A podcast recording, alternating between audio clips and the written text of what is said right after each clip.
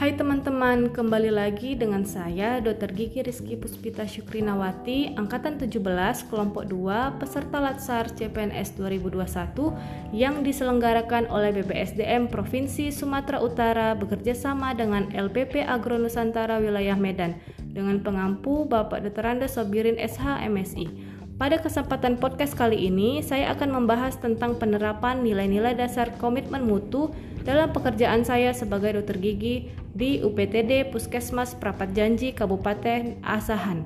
Berikut penerapannya.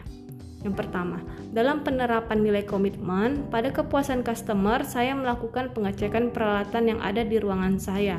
Pengecekan dilakukan satu minggu sekali, tujuannya untuk melihat kondisi peralatan apakah masih layak pakai atau tidak. Jika peralatan yang digunakan dalam kondisi tidak layak pakai, seperti berkarat, maka dapat menurunkan kualitas pelayanan.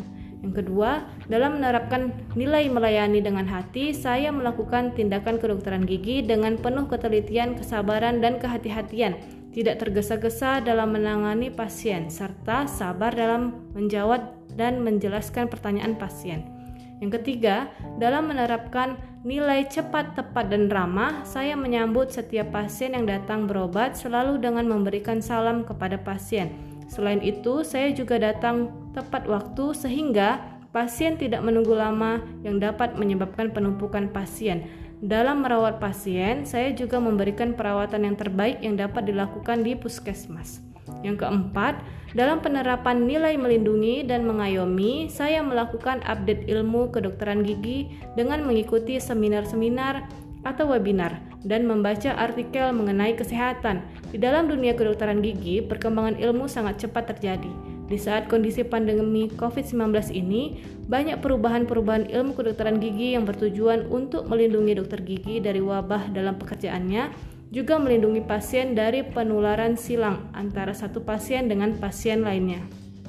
Yang kelima, dalam penerapan nilai perbaikan berkelanjutan, saya berinovasi dengan membuat catatan kecil yang diberikan kepada pasien.